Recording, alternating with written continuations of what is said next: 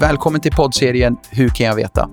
Jag säger ja för att det är just hur jag själv, Teglet Malkey, kan veta.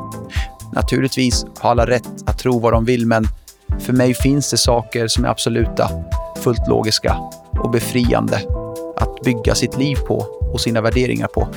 Jag hoppas nu att den här serien kommer hjälpa dig i din resa mot Gud, men också med Gud. Välkommen!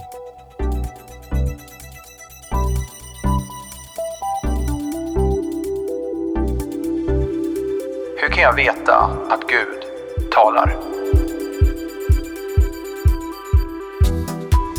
Ända sedan tidens början har Gud talat. Och genom hela Bibeln talade Gud till människor. Och Gud, han har inte slutat prata vid en viss tidpunkt. Han har inte förändrats, utan den Gud vi läser om i Bibeln, den guden är densamme. Igår, idag och i all evighet. I profeten Malakis bok säger Gud till exempel själv, jag är Herren Gud och jag förändras inte. Han förändrades inte från gamla till nya testamentet och han slutade inte prata efter att apostlarna dog. Han talar än idag. I samma ögonblick du tar emot Jesus, blir född på nytt, då får du också förmågan att höra andligt. Din andliga hörsel får du när du blir född på nytt. Att höra Guds röst är därmed medfött.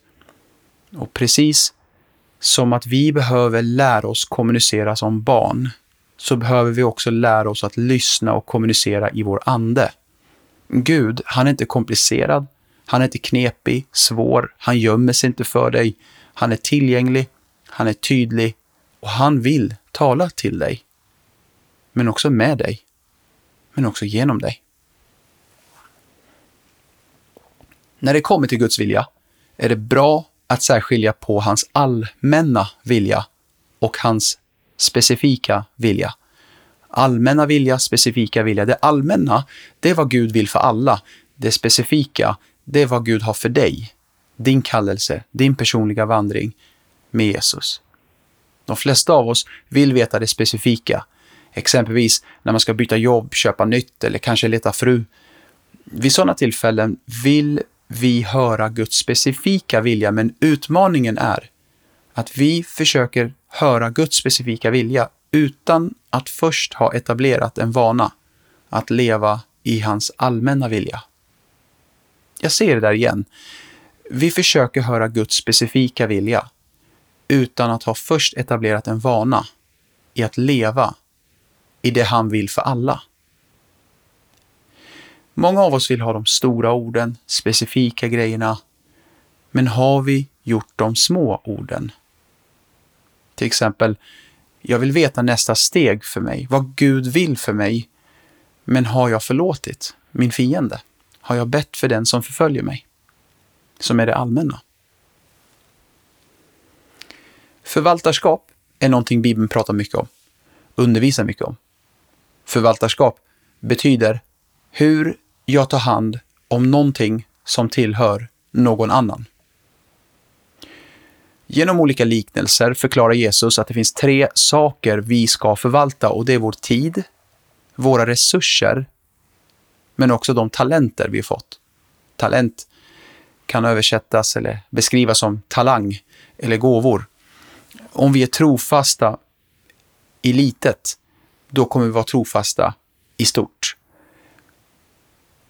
Men är det då möjligt, när det kommer till att höra Guds röst, att när Gud talar till dig och om vi är trofasta med det han säger och han ser det, då vill han ge dig fler ord. Gud vill tala det stora, men har du lyssnat i det lilla? I Gamla testamentet fanns det en princip som sa så här. Efter två eller tre vittnens samstämmiga vittnesmål ska varje sak avgöras. Den här principen använder man i rättegångar liksom för att bedöma ett fall, att två eller tre vittnen ska vittna om det här, då, då ska varje grej avgöras på det. Um, men både Jesus och Paulus refererar till den principen att låta två eller tre vittnen bekräfta en sak. En äldre missionär sa så här, att när jag tror att den helige ande pratar någonting till mitt hjärta, då ber jag Gud bekräfta det på tre sätt. Jag ber att Gud ska bekräfta det med sitt ord, genom andra, men också genom omständigheter. Alltså, om jag upplever något, Gud lägger något på mitt hjärta, då ber jag Gud, ge mig ett bibelord på det. Låt mig ha ett ord att stå på. Men också att någon annan säger något till mig om det. Men även då det sista, att omständigheterna ska linjera sig så att jag får frid med det jag upplever. Om nu varje sak ska avgöras efter två eller tre vittnens samstämmighet, då låter det här som en ganska bra princip för att veta Guds vilja. Eller hur?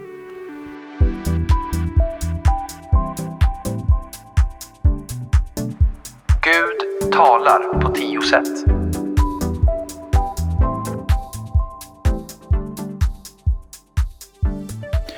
Gud talar på många sätt naturligtvis, men jag tycker mig finna tio sätt i Bibeln Gud talar på. Det första, det är att Gud talar genom Bibeln. Gud talar i sitt ord. Om du undrar vad Gud vill, titta i Bibeln. Guds röst, det du hör, alltså det du upplever dig höra, det skulle aldrig motsätta sig Guds ord. Om du till exempel upplever en sak, men den grejen är inte i linje med vad Bibeln säger, då har jag förmodligen hört fel. Och där behöver jag bara lära mig navigera.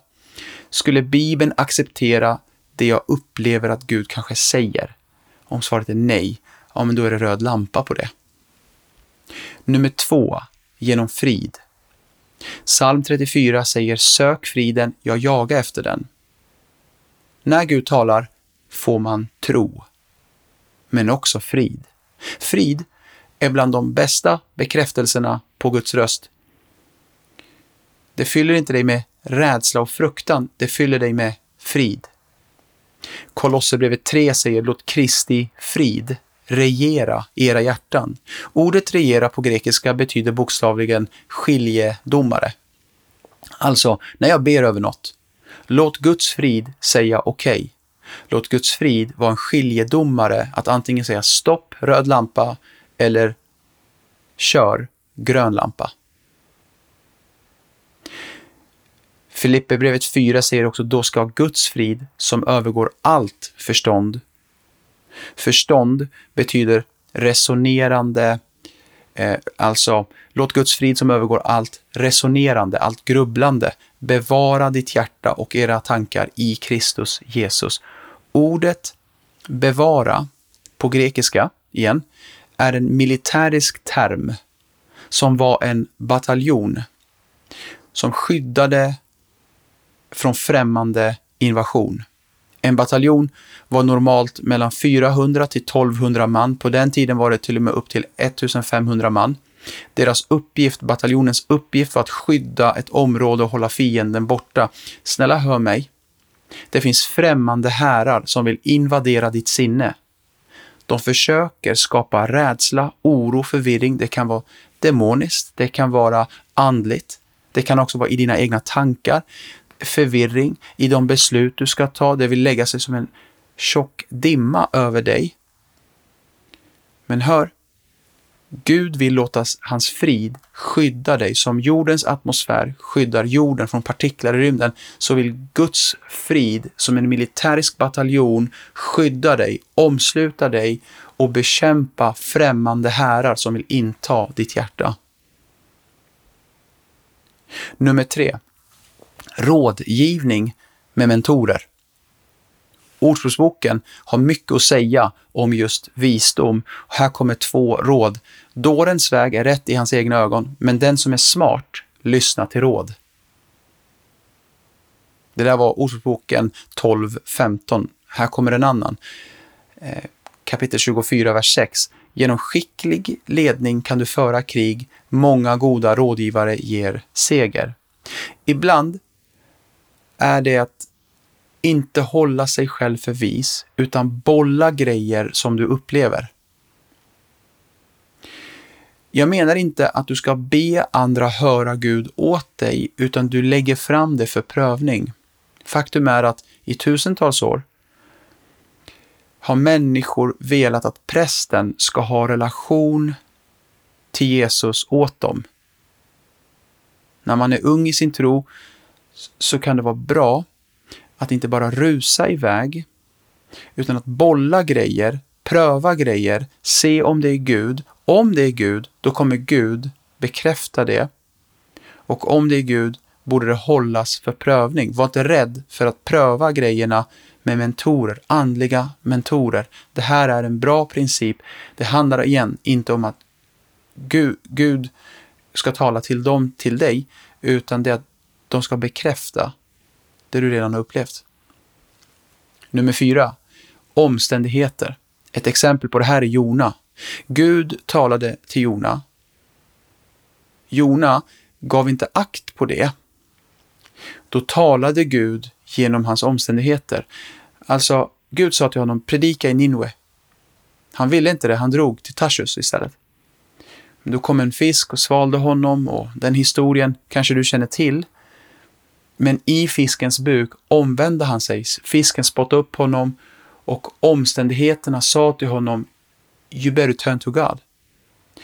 Ibland behöver vi titta på våra omständigheter för att Gud kan tala till dig genom dina omständigheter. Folk har sagt till mig, jag hör inte Guds röst just nu.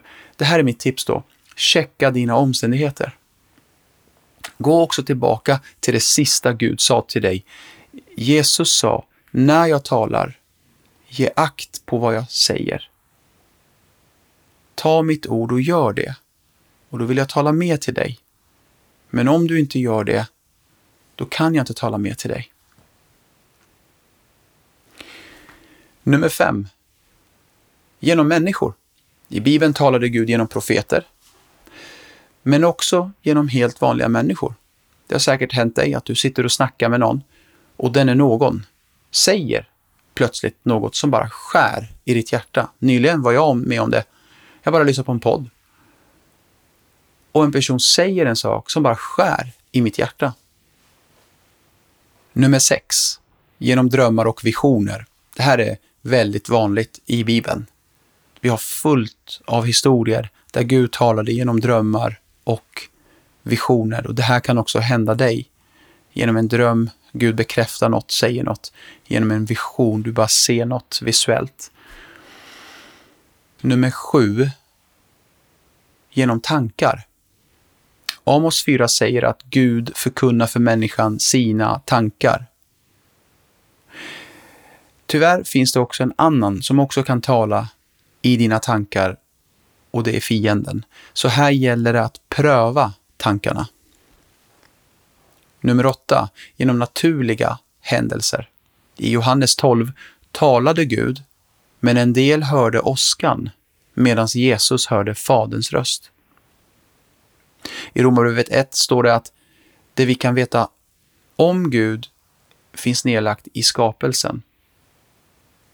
När Gud till exempel skulle föras som människa lät han en stjärna lysa över Betlehem som ett tecken. Genom naturliga händelser så kan Gud tala. Nummer 9.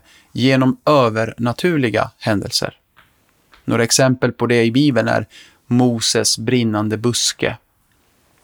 En buske brinner utan att brinna upp. Eller Gideons ull som inte blev blöt den där natten. Eller Paulus syn, han ser Jesus på Damaskusvägen.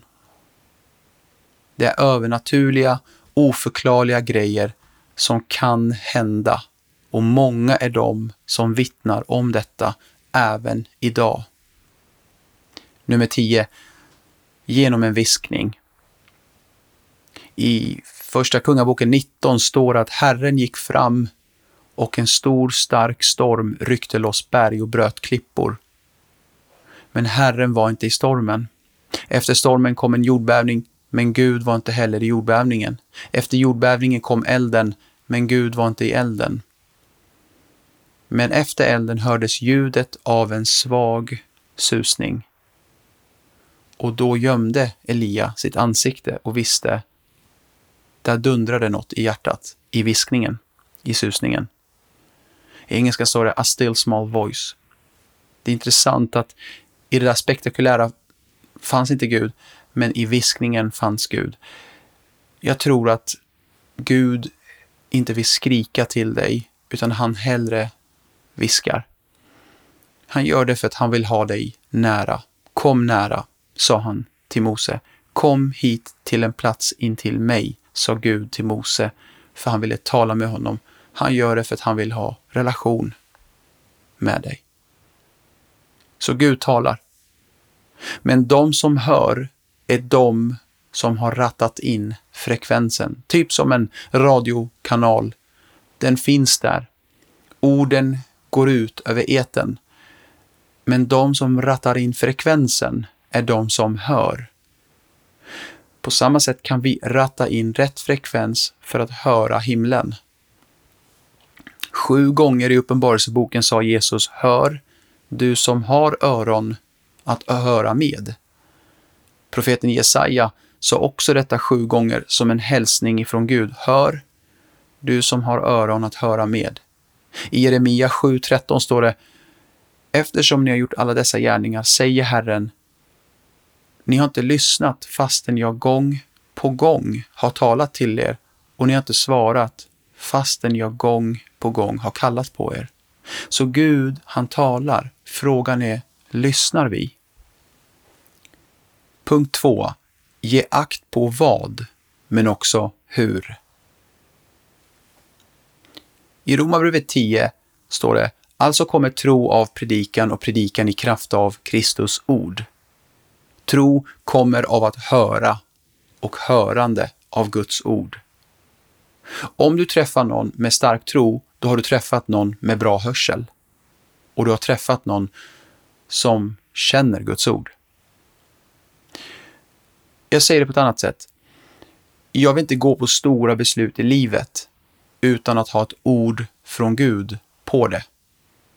Men om Gud talar till mig, då får jag också tro för det. I Markus 4 sa Jesus, ge akt på vad ni hör. Men i Lukas 8 säger Jesus, ge akt på hur ni hör. Det handlar alltså inte bara om vad, det handlar också om hur. Det handlar inte bara om vad Gud säger, utan också hur vi lyssnar och tar emot det.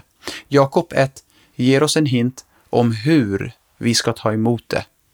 Det står ta ödmjukt emot ordet. Gud, han talar inte för att bygga mitt rike. Han talar för att bygga sitt rike. Gud ger inte sitt ord till personer som kommer missbruka det. Exempelvis, Gud gav Josef två drömmar. Han såg till exempel solen och stjärnorna böja sig för honom. Men genast började han springa runt och berätta för alla att något stort vilar på hans liv.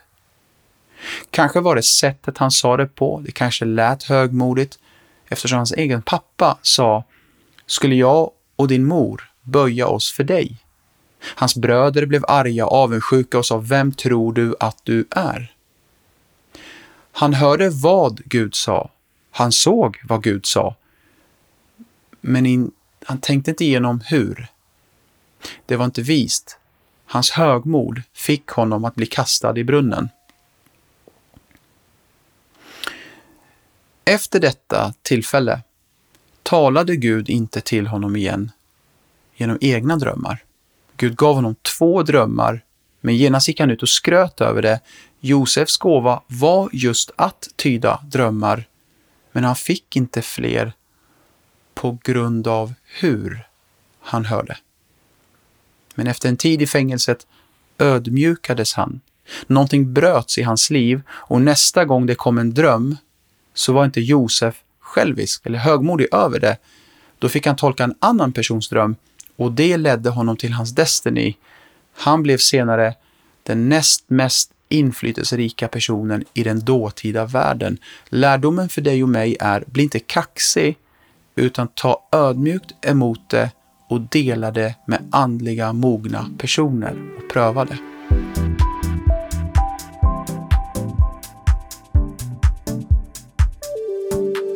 Gud är ute efter en relation med dig.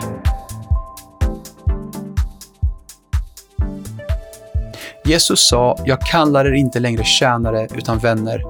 Ty allt vad jag har hört av min fader har jag låtit er veta. Grundtextens ord för veta är också tala. Alltså, jag har kommit för att ni ska ha en relation med Fadern och en del av relationen är kommunikation, men också vänskap. Johannes 16 sa han också, jag har ännu mycket att säga er.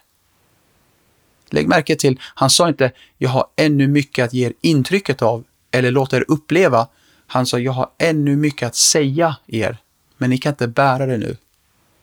Men när han kommer, sanningens ande, då ska han föra er in i hela sanningen. Jag har mycket att säga er, men min tid på jorden är kort. Men guys, jag ska inte lämna er faderlösa. Jag ska sända er den tredje personen i gudomen, den helige Ande, och han kommer vara den som kommer tala till er. Det finns de som tänker och tror att de måste prata med Gud hela tiden. Där Gud hela tiden ska säga till dem allt om allt. Jag hör till och med sådana som sagt, ja ah, men Gud har sagt till mig att inte lägga salt på maten. Please mannen, det där kunde du ha läst innehållsförteckningen för att förstå. Snälla, var inte överandlig. Eller den här. Jag upplever att Gud vill att jag ska förlåta henne. Men det står ju redan i Bibeln att du ska. Gud behöver inte säga det till dig, det står ju redan. Sådana personer som tänker så om relationer med Gud kan ge andra personer känslan av att de är oandliga, för de hör ju Gud jämt. Utmaningen med ett sådant tankesätt är att samma personer faktiskt gör misstag. Inte sa vi Gud till dig att göra misstagen, eller?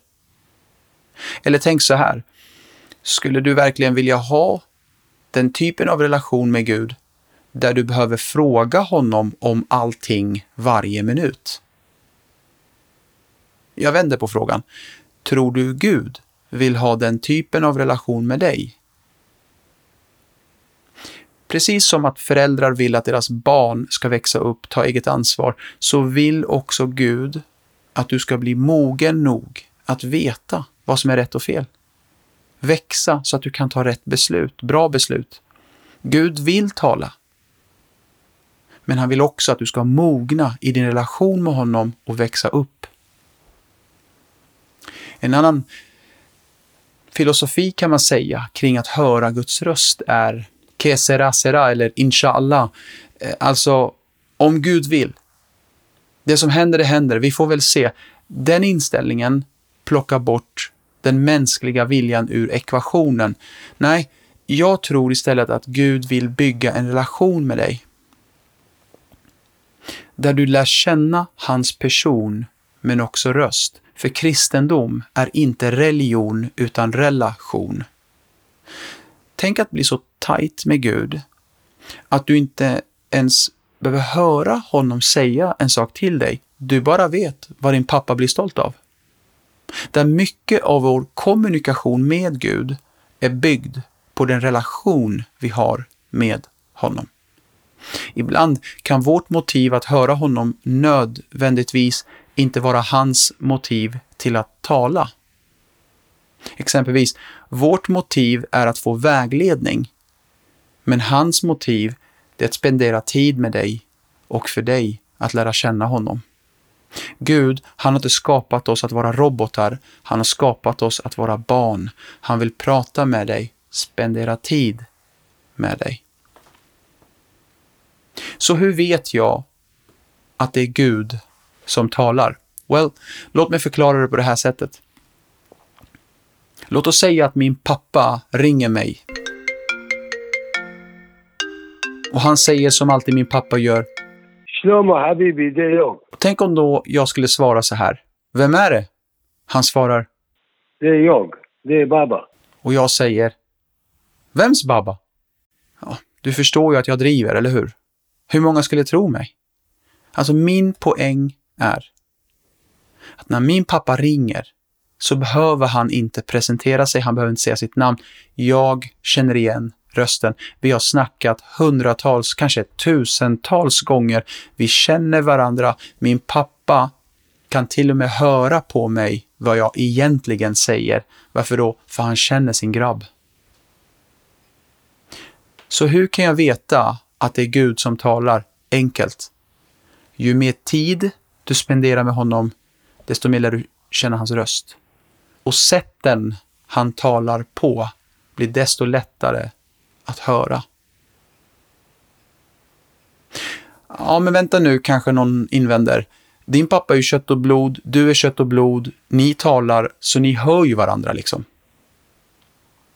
Och såklart att du kan känna igen hans röst, ni hör ju varandra. Ja, men tänk så här då, ja, jag är kött och blod, men enligt Bibeln är jag också en ande. Och Bibeln säger i Johannes 4.24 Gud är ande. Och enligt Bibeln kan min ande tala men också höra. Därför tror jag jag kan höra andligen och tala andligen. Här kommer nu praktiska tips på hur du ska utveckla en personlig relation med Jesus. Tips nummer ett. Boka ett möte. Om du vill höra Gud, boka tid och plats. I Andra Mosebok 19 sa Gud till Moses att Moses skulle säga till folket att helga sig idag och imorgon och hålla sig beredda till i övermorgon. Ty då ska Gud stiga ner på Sinai berg inför folkets ögon och då ska Moses tala och Gud svara med hög röst. Det här var Andra Mosebok 19. Tänk på vad jag precis citerade. Gud sa inte bara att de ska samlas för att nu ska jag prata med er. Gud sa väldigt tydligt, förbered er för att höra. Håll dem beredda. Idag, imorgon förbereder, för att i övermorgon ska jag tala. Låt mig säga ett quote, ett citat.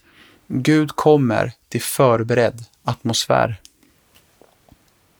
Bibeln är full på exempel när det finns en förberedelse bakom encounters människor hade med Gud. För Gud kommer till en förberedd atmosfär. Jag vill uppmuntra dig att ta med den här tanken. Att bestämma en tid och en plats, precis på samma sätt som när du bokar ett möte med någon, skriver upp det i almanackan, gör samma grej med Gud. Bestäm tid och en plats där du får möta honom och tala med honom. Och precis som i ett möte så sitter inte jag och kollar på min mobil och scrollar på Insta, utan jag samtalar med personer, visar personen respekt, att han har tagit sig den tiden och vi talar och vi samtalar och kommer fram till saker. Tänk samma med Gud. Var där när du är där. Platsen kan vara vart som helst. Men den behöver vara någonstans. Tiden kan vara när som helst, men det behöver vara någon gång. Det viktiga är att du har det uppskrivet, för det är då det blir av. Och skriver du inte upp det, blir det förmodligen inte av. Tips nummer två, bli stilla och tillbe. Saltaren 46 säger bli stilla och besinna att jag är Gud. Andra Mosebok 14 säger var inte rädda, stanna upp och bevittna den frälsning Herren idag ska ge er.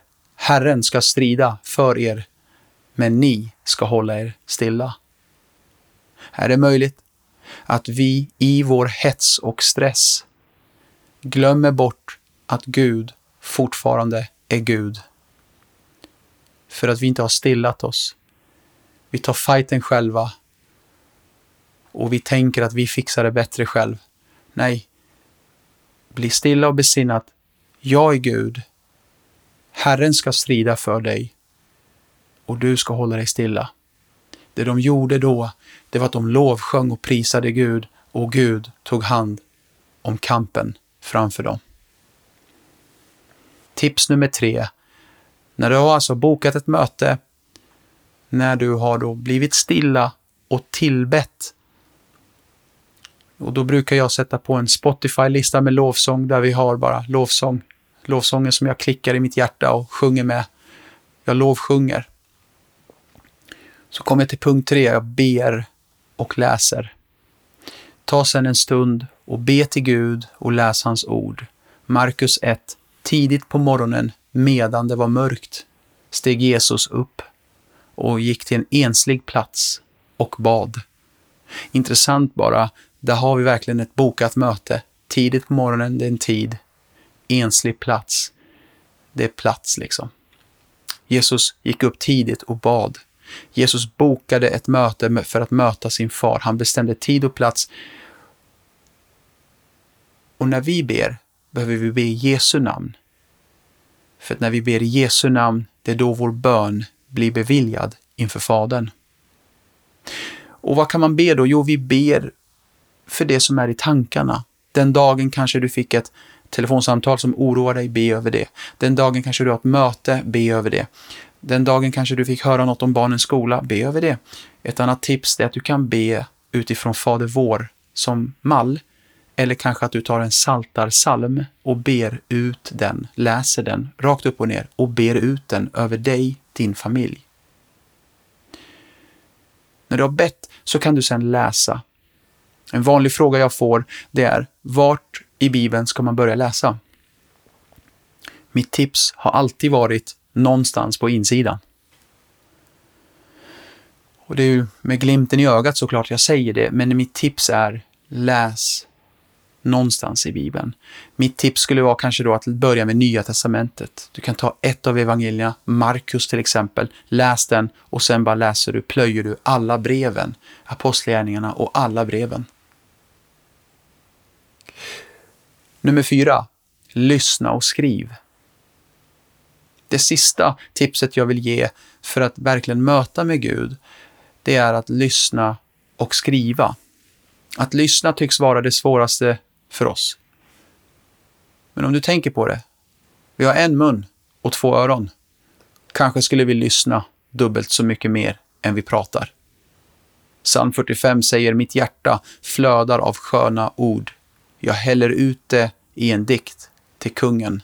Jag formar floden till ord.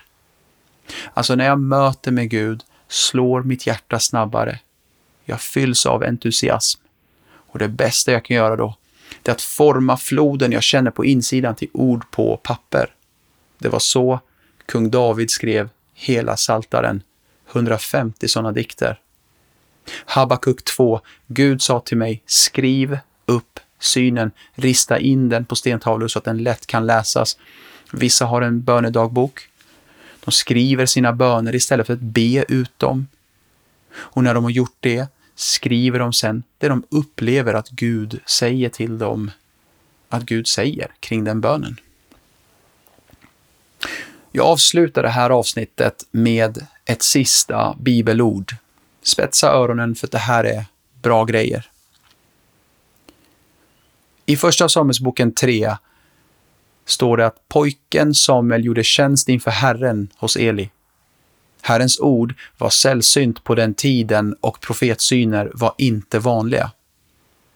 Versen kan ge intrycket av att Gud valde att inte prata så mycket en viss period. Att himlen var som koppar. Men det är inte egentligen vad versen säger om man ser till grundtexten. Ordet sällsynt betyder i dess sekundära form begränsad med resurser. Men ordets egentliga betydelse och i dess första form betyder värdefull och dyrbar. Med andra ord, Herrens ord var inte dyrbar för folket och därför var inte profetsyner vanliga. Om inte vi värdesätter hans ord, hans röst, då kommer vi varken höra eller se någonting. Gud vill tala till dig. Men de som hör är de som gör som lärjungen i Johannes kapitel 13 gjorde. Han lutade sig mot Jesu bröst och sa Herre, vem är det? Herre, tala.